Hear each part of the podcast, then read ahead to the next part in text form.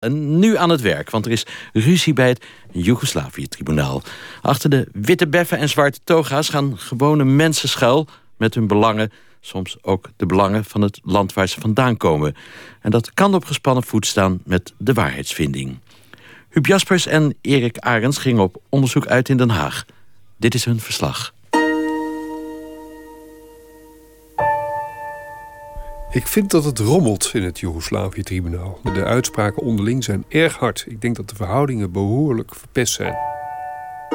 Maron is hier als VN-rechter en niet als Amerikaan. Maar in de praktijk blijkt dat personen met de ambassade van hun land contacten hebben in het kader van belangenbehartiging. Een rechter die moet beoordelen wat een prosecutor voorlegt. En als de rechter zich met dat beleid gaat bemoeien, op wat voor manier dan ook, dan is, dan is dat verkeerd. Dus dit is toch wel uh, ja, een hele foute actie.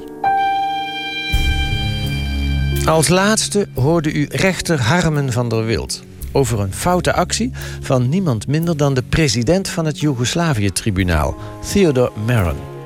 Het internationale hof, dat twintig jaar geleden werd opgericht om oorlogsmisdadigers uit de gewelddadige conflicten op de Balkan te berechten, is nu, tegen het einde van zijn bestaan, zelf een broedplaats van strijd geworden.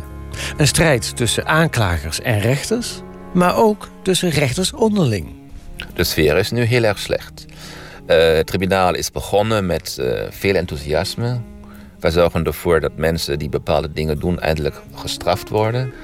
En bij het Joegoslavië-tribunaal zijn we nu in een fase beland waar door die tegenstellingen ook de persoonlijke sfeer zeer verziekt is. Aanleiding is het optreden van de baas van het tribunaal, de Amerikaanse rechter Theodore Maron. Hij zou er onder andere voor verantwoordelijk zijn dat twee hoofdrolspelers in de oorlogen in het voormalig Joegoslavië kort geleden zijn vrijgesproken. Het gaat om hooggeplaatste militairen die in eerste instantie tot hoge celstraffen waren veroordeeld. De oudchef van het leger in Belgrado, Momcilo Perisic... is dinsdag door het Joegoslavië-tribunaal in Den Haag veroordeeld... tot een gevangenisstraf van 27 jaar. De Kroatische generaal Ante Gotovina is door het Joegoslavië-tribunaal in Den Haag veroordeeld tot 24 jaar cel. Hij krijgt die straf voor oorlogsmisdaden en misdaden tegen de menselijkheid. Maar de twee konden toch vrij uitgaan. Omdat rechter Maron de juridische spelregels heeft veranderd. En dat heeft hij gedaan omdat zijn eigen land, de Verenigde Staten, daarop bij hem heeft aangedrongen. Zo luidt althans de kritiek op Maron.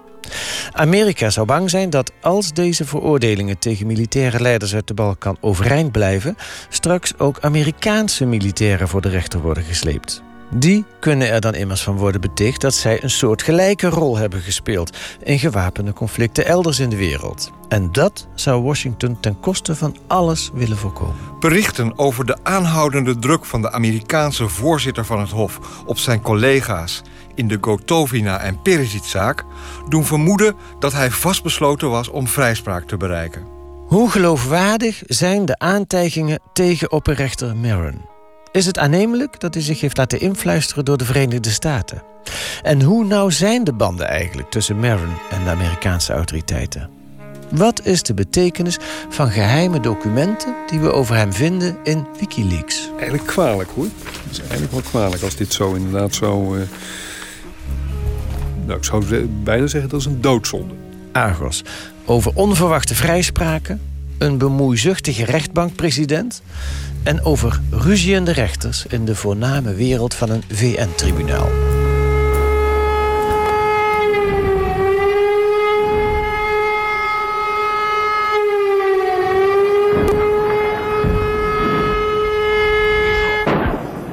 Joegoslavië, begin jaren 90. De oorlogen in de zes voormalige Joegoslavische deelrepublieken gaan gepaard met ongekende schendingen van mensenrechten. Onschuldige burgers worden in koele bloeden vermoord. Krijgsgevangenen worden gemarteld of geëxecuteerd. Hele dorpen worden platgebombardeerd en bevolkingsgroepen van hun grondgebied verdreven. Nog terwijl de gevechten volop aan de gang zijn, besluit de Veiligheidsraad van de Verenigde Naties dat er een rechtbank moet komen. Op die manier, zo is de gedachte, kunnen de schuldigen van oorlogsmisdrijven en misdaden tegen de menselijkheid worden gestraft. In 1993 wordt daarom het Joegoslavië-tribunaal opgericht. In de twintig jaar die volgen staan vele beruchte figuren terecht, zoals Slobodan Milosevic, Radovan Karadzic en Radko Mladic. Maar nu het tribunaal zijn taak er bijna op heeft zitten, gaat het in de doorgaans beschaafde wereld van rechters en aanklagers helemaal mis. Aanleiding is het nieuws dat in november vorig jaar en februari van dit jaar naar buiten komt. Onder meer via het NOS-journaal en het ANP. Het contrast kan bijna niet groter. Gisteren was de Kroatische generaal Ante Gotovina nog een oorlogsmisdadiger. En vandaag is hij een vrij man, vrijgesproken in hoger beroep.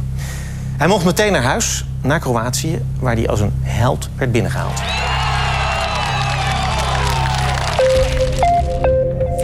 Joegoslavië-tribunaal heeft de oud-bevelhebber van het Joegoslavische leger, Momcilo Perisic, in hoger beroep vrijgesproken. Hij stond onder meer terecht voor zijn rol in de massamoord van Srebrenica.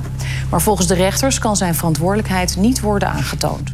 De aanklagers bij het tribunaal weten niet wat ze horen. De Kroatische generaal Ante Gotovina en de Servische legerchef Momcilo Perisic, twee van de belangrijkste leidinggevenden uit de oorlogen in Kroatië en Bosnië, mogen van de rechters in hoger beroep naar huis. De rechters achten Gotovina en Perisic niet verantwoordelijk voor de misdaden waarvoor ze in eerste instantie nog tot 24 en 27 jaar cel waren veroordeeld. In Kroatië leidt de vrijspraak van Gotovina, die voor veel Kroaten een nationale held is, tot een groot feest.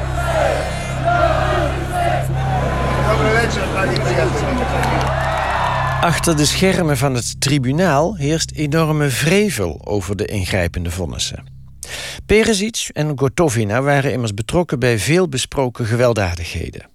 Perisic was aanvankelijk schuldig bevonden aan de massamoord in Srebrenica en de beschietingen op burgers in de Bosnische hoofdstad Sarajevo. En Gotovina was veroordeeld in zijn functie van hoge commandant van het Kroatische leger, dat tijdens de operatie Storm duizenden Serviërs uit hun dorpen verdreef.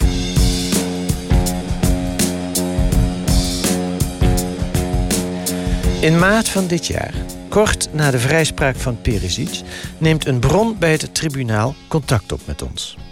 Op bezorgde toon vertelt deze persoon hoe groot intern de boosheid is en hoe belangrijk het is dat er snel iets gebeurt tegen deze trend van vrijspraken. Rechter Maron is verantwoordelijk voor de totale ineenstorting van het Joegoslavië-tribunaal. Er zijn de afgelopen maanden enkele desastreuze vonnissen geweest die gigantische gevolgen hebben voor de internationale berechting van oorlogsmisdadigers. Het gaat onder meer om vrijspraken in hoger beroep van hele grote vissen. De vonnissen van de beroepskamer zijn echt een doodsteek voor de pogingen om verantwoordelijke commandanten internationaal te berechten voor oorlogsmisdaden. Ze geven aan een militaire commandant in feite totale vrijheid van handelen. Dit is niets minder dan een aardverschuiving in de geschiedenis van het Joegoslavië-tribunaal. Het heeft enorme teleurstelling en frustratie bij heel veel medewerkers van het tribunaal tot gevolg. We proberen te achterhalen of deze informatie klopt. Maar het blijkt lastig om betrokkenen te vinden die openlijk over de ruzie willen vertellen. Een oud-rechter van het Joegoslavië-tribunaal steekt zijn verontwaardiging over de rechterlijke uitspraken niet onder stoelen of banken. Dit is desastreus voor de internationale rechtspraak. Maar ook hij wil niet met naam worden genoemd. De oud-rechter spreekt van gevaarlijke vonnissen, die volgens hem voor een belangrijk deel te wijten zijn aan de president van het Hof, Theodor Meron. Half juni barst de bom. Een krant in Denemarken publiceert dan een e-mail die de Deense rechter Frederik Haarhof van het Joegoslavië-tribunaal heeft gestuurd aan vrienden en kennissen. Haarhof maakt daarin gehakt van de recente vrijspraken. Hij suggereert zelfs dat rechter Miron is beïnvloed door Amerika en Israël, waarna hij zich afvraagt: wat leren we hieruit? Hij geeft zelf het antwoord. De meeste zaken zullen er vanaf nu toe leiden dat leidinggevende officieren vrij kunnen rondlopen. De Amerikaanse en Israëlische militaire leiders kunnen dus een zucht van opluchting slaken. Je denkt misschien dat het gewoon muggenzifterij is. Maar ik zit hier met het zeer oncomfortabele gevoel dat het Hof de koers heeft gewijzigd door druk van het militaire establishment in bepaalde dominante landen. Hoe gaan we nu aan de duizenden slachtoffers uitleggen dat het Hof niet langer in staat is om leden van een criminele organisatie te veroordelen tenzij de rechters oordelen dat de leden actief en opzettelijk hebben bijgedragen aan de misdaden. De laatste uitspraken hebben mij voor een ongekend groot professioneel en moreel dilemma geplaatst.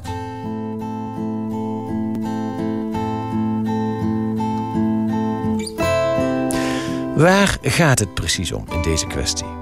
Wat is er juridisch zo omstreden in de vonnissen waarvoor Theodore Maron mede verantwoordelijk is? En wat weten we eigenlijk over deze man? Maron is een man die in zijn uh, lange leven, hij is hoogbejaard in de tachtig, uh, drie verschillende nationaliteiten heeft gehad.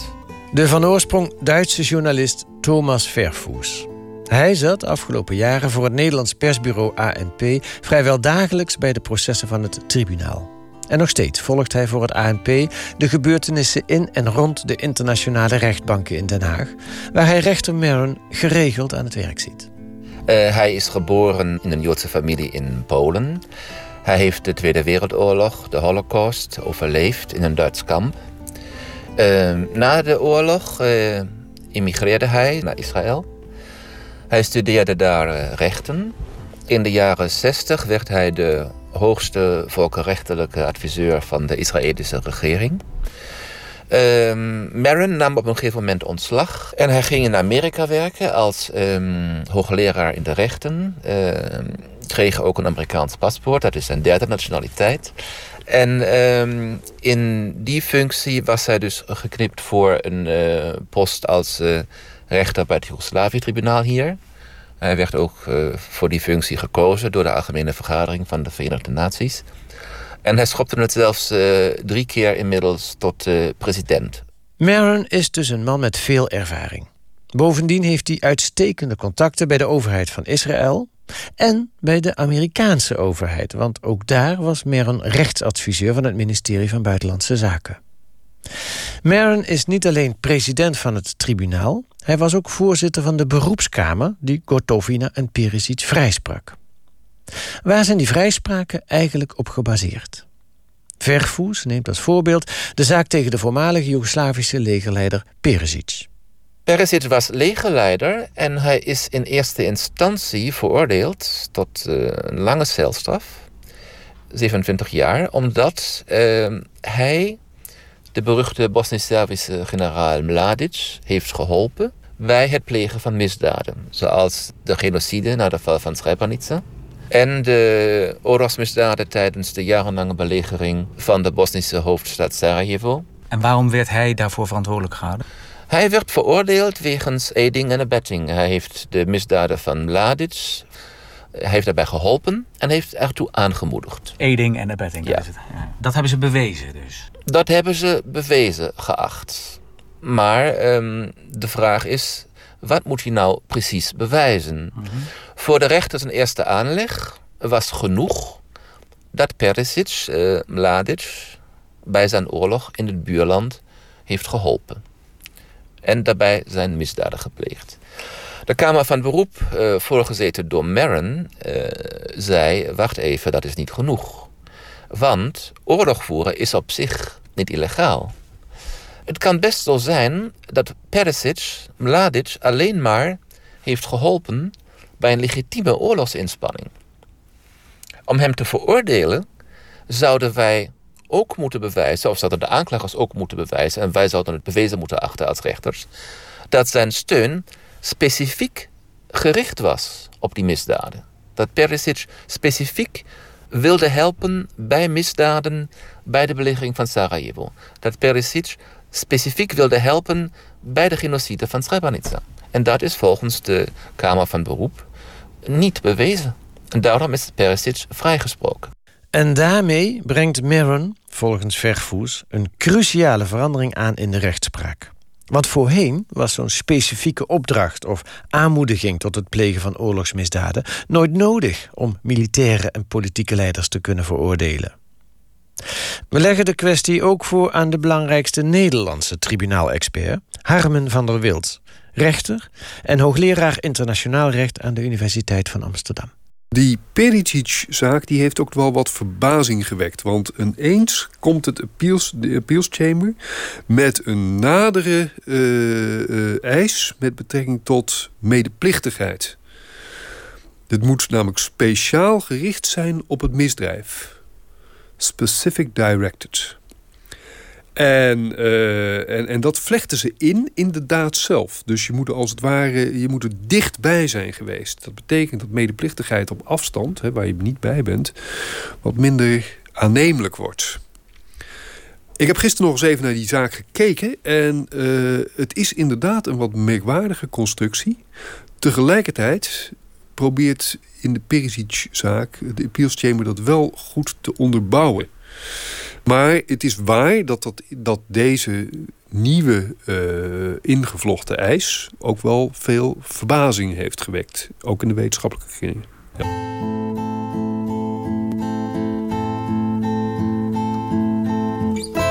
U luistert naar Argos op Radio 1. Vandaag over ruzie binnen het Joegoslavië-tribunaal. Twee zaken tegen de verantwoordelijken van ernstige oorlogsmisdrijven zijn geëindigd in vrijspraak in hoger beroep. Veel betrokkenen vinden dat heel opmerkelijk. Hoe komt dat? En wat is de rol van de president van het Hof, Theodor Meron? Ook bij de vrijspraak van de Kroatische generaal Gotovina heeft de beroepskamer van Meron de eisen om te kunnen spreken van verantwoordelijkheid van de generaal zo hoog opgeschroefd dat die praktisch niet meer te bewijzen was. In eerste instantie spraken de rechters over een mogelijke oorlogsmisdaad als binnen een straal van 200 meter van de plaats waar werd gebombardeerd geen militair doel te bekennen viel. Maar de Kamer van Beroep zag dat anders. Hoogleraar van der Wild. Wat mij verbaasd heeft, dat is de slechte kwaliteit van het uh, vonnis van de uh, beroepskamer in de Goitovina-zaak. Daar is veel opwinding over. En uh, bij Goitovina was het zo. Die stond terecht wegens het feit dat hij militair bevelhebber was. Dus een, een hoog in de hiërarchie. Wat hem te last was gelegd, dat was een, de algemene intentie om de mensen die niet tot de Kroatische ras behoorden, om daar uit de Krajina te gooien. Nou, toen is er een, een aantal steden die zijn zwaar ge, gebombardeerd. En dat is natuurlijk wel even een middel om iemand te verjagen. En toen heeft de Kamer in eerste aanleg een straal van 200 meter buiten militaire doelen aangenomen. En heeft gezegd van alles wat daar binnen valt, dat kun je voorstellen, dat is inderdaad dat daar, daarmee neem je militair doel op de korrel. Maar alles wat daar buiten valt, dat is eigenlijk een soort van ja, willekeurige uh, uh, bombardement waarmee je de burgerbevolking schrik aanjaagt. En dan gaan ze wel weg.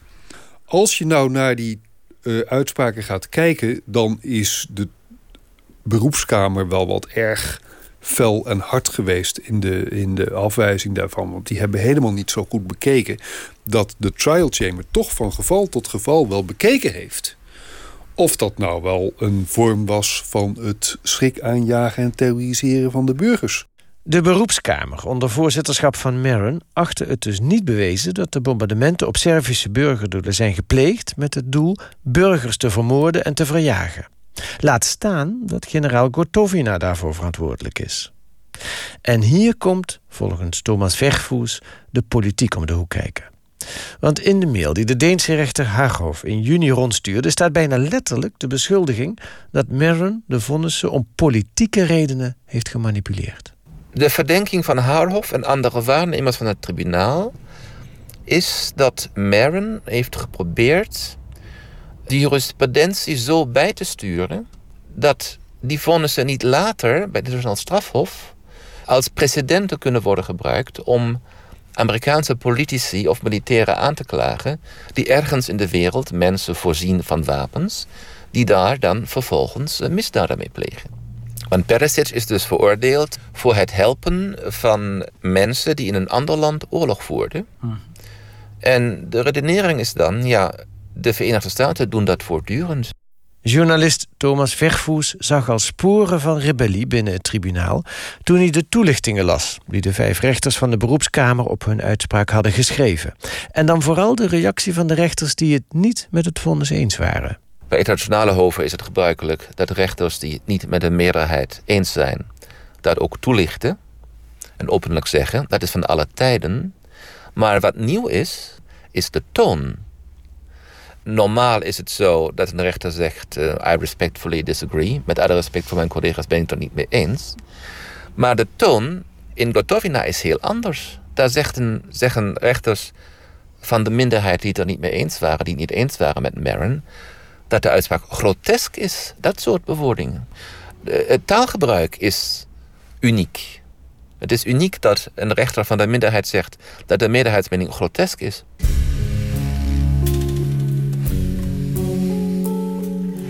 Wat je zeker kan zeggen is dat de vrijspraak van Perisic en Gotovina tot een uh, motivatiecrisis heeft geleid binnen het tribunaal. En dan vooral binnen het bureau van de hoofdaanklager, waar mensen dus jarenlang hebben gewerkt aan veroordelingen die volgens hen historische betekenis hebben. Dus die kritiek die wij hebben gehoord, die heb jij ook gehoord? Die heb ik zeker gehoord, ja. Van mensen binnen het tribunaal? Ja. Van wie? Dat kan ik niet zeggen. Je lacht er heel mooi bij nu, ja. Veel betekenend heet zoiets, geloof ik. Ja. Dus jij onderschrijft, zeg maar even als we proberen het landschap te tekenen... de voor- en de tegenstanders van Meron... Uh, zitten in het kamp van de tegenstanders in ieder geval aanklagers... maar ook rechters. Jazeker. En, en meer dan één. Ja, Haarhof komt ervoor uit met zijn uitgelekte e-mail. Ja. Er zijn rechters die in hun uh, afwijkende meningen zwart op wit hun, hun misnoegen kenbaar maken. Zoals Aegis, die gewoon schreef dat uh, bepaalde dingen grotesk zijn. En er zijn andere rechters die in privégesprekken met journalisten wel uh, uiting geven aan de onvrede die er leeft.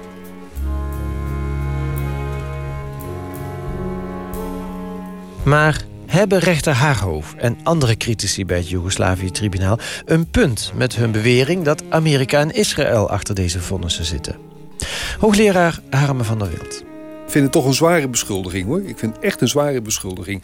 En ik vind dat je daar buiten gewoon voorzichtig mee moet zijn. Dat het geprobeerd wordt, dat zal ongetwijfeld. Dat, kan toch niet? De rechterlijke macht moet toch verheven zijn boven. Proberen, ik weet niet. Kijk, ik zeg niet dat het gebeurt. Dat weet ik niet. Maar ze zullen het wel proberen. Natuurlijk zullen het proberen. Dat Landen zullen dat proberen, denkt u? Ja, ik denk dat, dat, dat, dat men dat, dat, dat probeert. Daar ben ik van overtuigd. Dat men gaat spreken met rechters. Van, is dit wel verstandig als u dit doet? Op een of andere manier zullen ze dat proberen te, mensen te beïnvloeden. Maar hij zal dan op een gegeven moment toch zeggen van... Uh, ja, ik, ik, hoop in ieder geval, een hoop van harte... dat hij sterk in zijn schoenen staat. Thomas Vervoes. Officieel uh, zit iedereen hier namens de Verenigde Naties. Dus Maron is hier als VN-rechter en niet als Amerikaan. Maar in de praktijk blijkt toch dat de nationaliteit van VN-personeel wel degelijk uitmaakt. En dat personen met de ambassade van hun land contacten hebben in het kader van belangenbehartiging. Mm -hmm. In veel gevallen is dat gewoon heel, gebeurt dat heel openlijk. We gaan op zoek naar mogelijke banden tussen rechter Maron en de Amerikaanse of Israëlische regering. Dat doen we onder meer in Wikileaks. En dan met name in de zogeheten cables. Dat zijn de geheime en vertrouwelijke ambtsberichten... die vanuit de Amerikaanse ambassades worden gestuurd... naar het ministerie van Buitenlandse Zaken in Washington.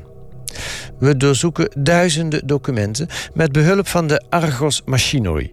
Speciale software waarmee we sneller en effectiever kunnen zoeken. En we stuiten daarbij op iets opmerkelijks. Den Haag, 17 juli 2003. Klassificatie vertrouwelijk. Joegoslavië-tribunaal. President Maron dringt er bij Amerikaanse regering op aan zich te verzetten tegen verlenging ambtstermijn Del Ponte. Uit een Amerikaans ambtsbericht blijkt dat rechter Maron vertrouwelijke gesprekken heeft gehad met functionarissen van de Amerikaanse ambassade in Den Haag. In een kabel uit juli 2003 staat dat Maron snel af wil van de toenmalige hoofdaanklaagster van het Joegoslavië-tribunaal, Carla Del Ponte. President Theodor Maron van het Joegoslavië-tribunaal ontmoette de ambassadeur op 16 juli om zijn ernstige zorgen te uiten over de prestaties van hoofdaanklaagster Carla Del Ponte en het risico dat verlenging van haar dienstverband zou inhouden voor de strategie van voltooiing van het tribunaal. Maron drong er bij de Amerikaanse regering op aan om verlenging te belemmeren en uitte twijfels over verlenging van haar mandaat met één jaar. Maron klapt dus tegenover de Amerikaanse ambassadeur uit de school over het werk van hoofdaanklaagster Del Ponte. Zij heeft volgens hem twee belangrijke zwaktes. Ze ontbeert de nodige managementkwaliteiten en ze laat strafzaken veel te lang duren, waarmee ze in strijd handelt met de zogeheten completion strategy, de plannen om het werk van het tribunaal binnen enkele jaren af te ronden. Maron legde uit dat Del Ponte een mediafiguur is die voornamelijk is geïnteresseerd in haar eigen nalatenschap. Ze heeft absoluut geen idee van management en heeft geen controle over haar staf. De baas van een VN-tribunaal, die er bij de Amerikaanse ambassadeur voor pleit om de hoofdaanklaagster weg te werken. Dat lijkt een nogal onalledaagse kwestie. We leggen de kabel daarom voor aan drie zeer ervaren Nederlandse rechters. Alle drie willen die alleen anoniem reageren. Eén van de drie wijst ons op een aantal verzachtende omstandigheden. Een internationaal tribunaal is volgens hem, veel meer dan rechtbanken in Nederland, een soort eiland. De president van zo'n tribunaal heeft een verantwoordelijkheid voor het gehele tribunaal. En dat zou de bemoeienis van Merren met het bureau van de aanklager volgens hem wellicht deels kunnen rechtvaardigen. De andere twee rechters zijn stelliger. Wat hier is gebeurd, zegt de een, is niet bepaald netjes. Merren heeft volgens hem kennelijk heel korte lijntjes met Amerikaanse diplomaten en bemoeit zich niet alleen met de bedrijfsvoering van de hoogste aanklager, maar ook met diens beleid. En dat is uiterst ongebruikelijk. Voor de derde rechter roept het voorval de vraag op of hier nog wel sprake is van onafhankelijke en onpartijdige rechtspraak. Wat Merran hier heeft gedaan is volstrekt ontoelaatbaar. Dat zegt een oude rechter bij het Joegoslavië-tribunaal. Maar ook hij wenst anoniem te blijven. We leggen de kabel ook voor aan hoogleraar Van der Wild. Dat wou ik u iets laten zien. Ik geef u ook nog de mogelijkheid, als, als u er niks over wil zeggen, want ik overval het u mee, maar ik doe het wel bewust. Ja. Um, maar ik wil u er even naar laten kijken.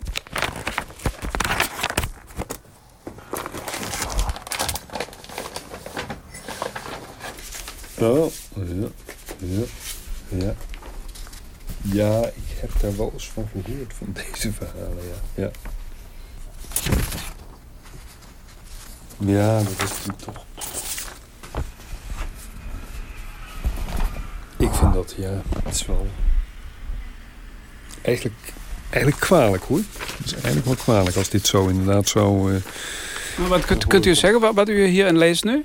Nou ja, uh, je, ziet, je ziet dat uh, Maron uh, kennelijk dus enige druk heeft uitgeoefend... om te voorkomen dat Del Ponte wordt herkozen. Dat is eigenlijk het idee. En dat zou dus wijzen op een mogelijke vermenging van de rechterlijke macht en het OTP. Ja. En ja, dat is, ja dat, dat is nogal wat eigenlijk. Dat is toch wel wat. Want? Nou, Merren leidt de verdenking op zich dat hij zich niet heeft gehouden aan het beginsel van de onafhankelijke en onpartijdige rechtspraak. Uh, want, want hij gaat zich bemoeien met uh, de, de aanstelling van een prosecutor. En dat, dat, is, dat is, ja, dat is, nou, ik zou bijna zeggen, dat is een doodzonde. Kijk, een rechter die moet beoordelen wat een prosecutor voorlegt. De prosecutor die maakt de keuze van wat ga ik vervolgen, wie ga ik vervolgen, waarvoor. En als de rechter zich met dat beleid gaat bemoeien, op wat voor manier dan ook, dan is, dan is dat verkeerd. Want het enige wat hij moet doen is, u legt mij dat voor en ik geef er dat oordeel over. Dat is eigenlijk zoals het zou moeten zijn. Dus dit is toch wel uh, ja, een, een, hele foute actie. Van der Wild vermoedt wel dat Maron in 2003 oprechte zorgen had... over het functioneren van hoofdaanklaagster Del Ponte. Alleen had hij die niet moeten delen met de Amerikaanse ambassadeur... maar met de Veiligheidsraad van de Verenigde Naties. Dat is natuurlijk zijn, uh, de, de, degene die de, de prosecutor aanstelt. En ten opzichte van wie zij verantwoordingsschuldig is. Dus dat, dat, dat had hij moeten doen. Maar ja, hij heeft natuurlijk wel een verleden in de Amerikaanse diplomatieke dienst en dergelijke. Dus hij is daar uh, bij betrokken geweest. Dus waarschijnlijk heeft hij gedacht van nou, zo kom ik ook wel uit. En waarom was het dan beter geweest als hij naar de VN gestapt was? Nou, om elke mogelijke verdenking van belangenverstrengeling te voorkomen. De prosecutor die mag op geen enkele manier beïnvloed worden door staten. En dat is natuurlijk precies het idee dat je de Veiligheidsraad... Ja, de Veiligheidsraad is natuurlijk ook een vertegenwoordiging van staat, dat weten we allemaal. Maar er is toch een soort van checks and balances. Maar als jij op een gegeven moment uh, ja, his master's voice wordt van een staat... dan is het natuurlijk over en uit. Dat zou heel slecht zijn.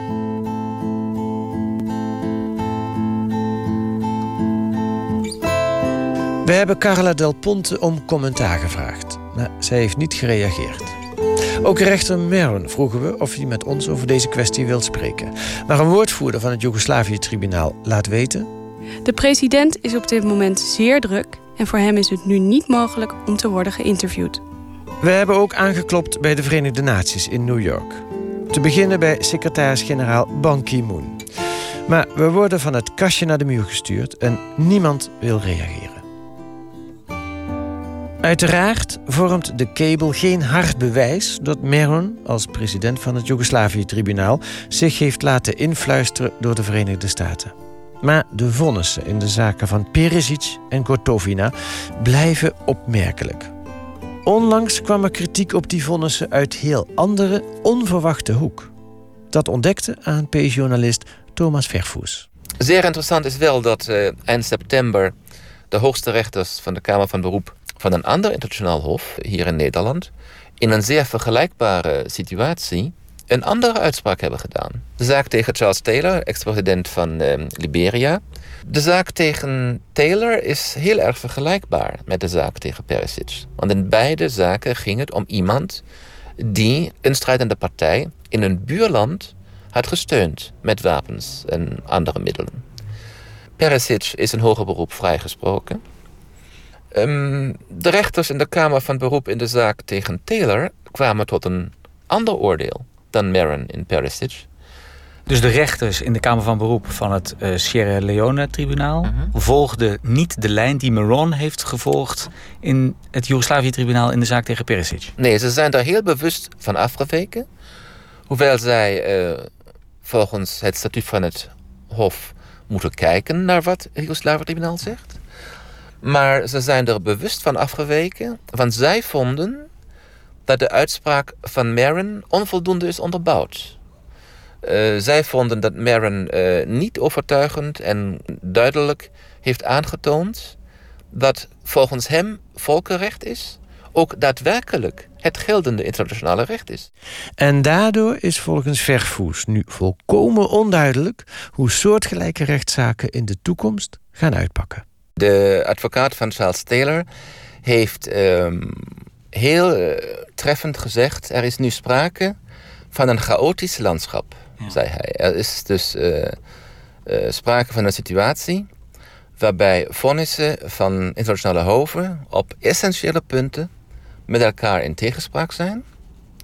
En het, is, het gaat er nu om te bezien wat het internationale strafhof daarmee doet. Ja, en welk kamp dus wint. Ja, precies. Want uh, uh, die hoven waar Maron werkt en waar Chastela is veroordeeld... dat zijn tijdelijke hoven. Het Joegoslavië-tribunaal gaat sluiten. Het uh, Speciaal Hof van Sierra Leone gaat nog eerder sluiten... want ze zijn nu klaar met hun laatste verdachte. een belangrijk aspect van wat zij nalaten aan erfenis... is de jurisprudentie die kan worden geciteerd bij het internationaal strafhof. Ja. Dat is het enige hof voor oorlogsmisdadigers dat blijft, dat permanent is. Ja. En uh, daar zal men dus uh, bij gebrek aan andere precedenten uh, inspiratie zoeken bij wat het Joegoslavië-tribunaal en het Speciaal Hof voor Sierra Leone hebben beslist. En daar is nu op een cruciaal punt volledige tegenstelling tussen beide hoven. Wat zou nou een andere reden kunnen zijn voor deze verandering in, uh, in rechtspraak van Meron. Een andere reden dan het komt de Amerikanen of de Israëli's niet uit. Wat kan een andere reden zijn? De andere reden, uh, de, offici niet. de, officiële reden, is de voortschrijdend inzicht. En dat in deze zaak, uh, met deze feiten, het internationale recht zo hoort te worden toegepast. Ja, volgens hem. Volgens hem, ja. Maar daar zeggen dan de, de rechters, de beroepsrechters in de zaak tegen Charles Taylor van dit is helemaal niet ja. duidelijk en niet goed uh, onderzocht, niet goed onderbouwd. Ja. Dus, dus we, we hebben vastgesteld of voortschrijdend inzicht, mm -hmm. of druk, beïnvloeding, masseren door Amerikanen, Israëli's. Dit zijn de twee mogelijke verklaringen die gegeven worden, ja. En ik zie dan niet zo in 2, 3 en derde. En nu zet ik jou het mes op de keel en je moet kiezen tussen die twee. Wat klinkt het meest plausibel? Gelet op de zwakke onderbouwing van de recente jurisprudentie... kan men geneigd zijn aan te nemen dat de politieke belangen... zoals Haarhof die beschrijft... een rol hebben gespeeld.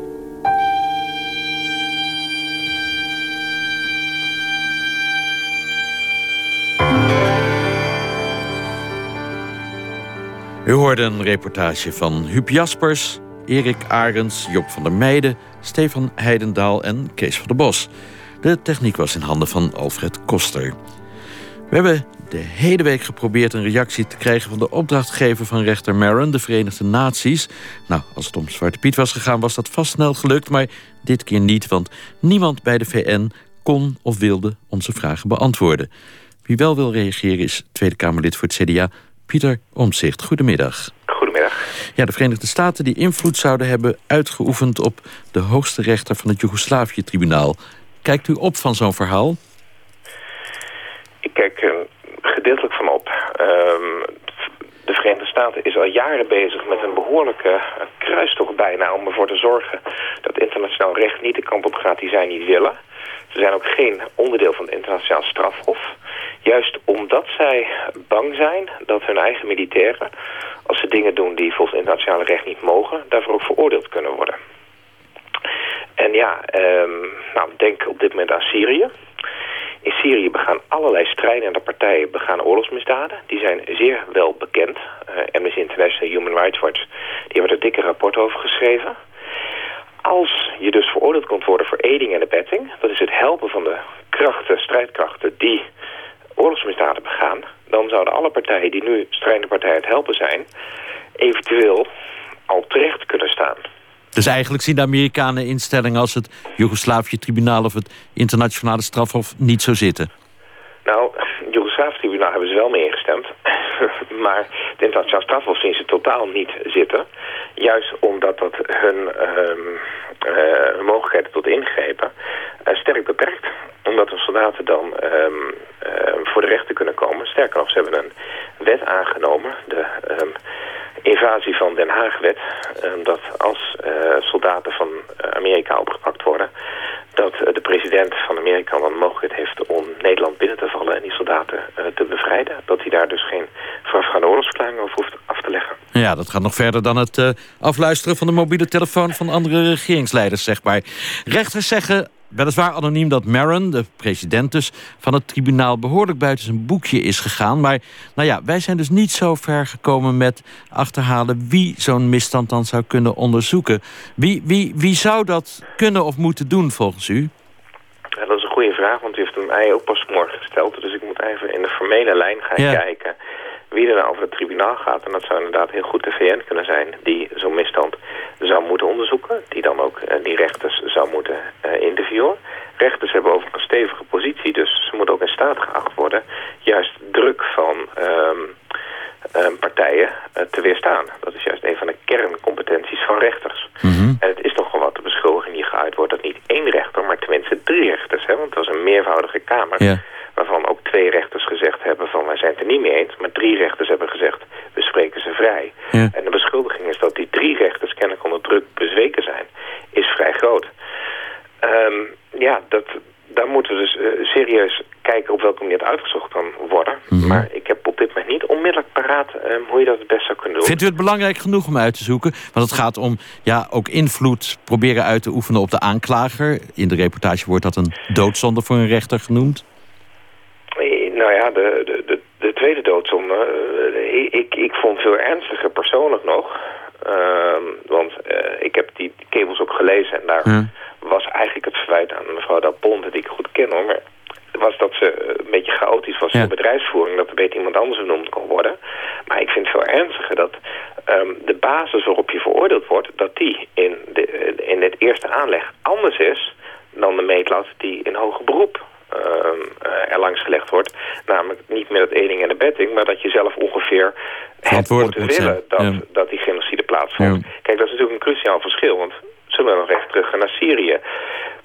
Het is zo dat strijdende partijen in Syrië oorlogsmisdaden begaan. Maar dat de landen die ze helpen, of het dan Saoedi-Arabië, Qatar, Verenigde Staten of wie dan ook is... Hè, die dus strijdende partijen daar actief helpen... Ja. die kunnen met zeer veel geloofwaardigheid zeggen van... We hebben ze wel geholpen. Maar het is in ieder geval nooit onze intentie geweest dat zij genocide begingen. En we hebben ze nu dan ook verteld dat ze het niet moesten doen. Dus dat kleine, wat een klein verschil lijkt... is Meneer Omtzigt, zou, cruciaal Ne- verschil. zou Nederland een rol kunnen spelen? Want het Joegoslavië-tribunaal zit hier in Den Haag. Zou Nederland het moeten aankaarten? Nederland zou het, eh, denk ik, moeten aankaarten in, ehm, ehm, in New York. Ik moet u bedanken. Pieter Omtzigt, Tweede Kamerlid voor het CDA.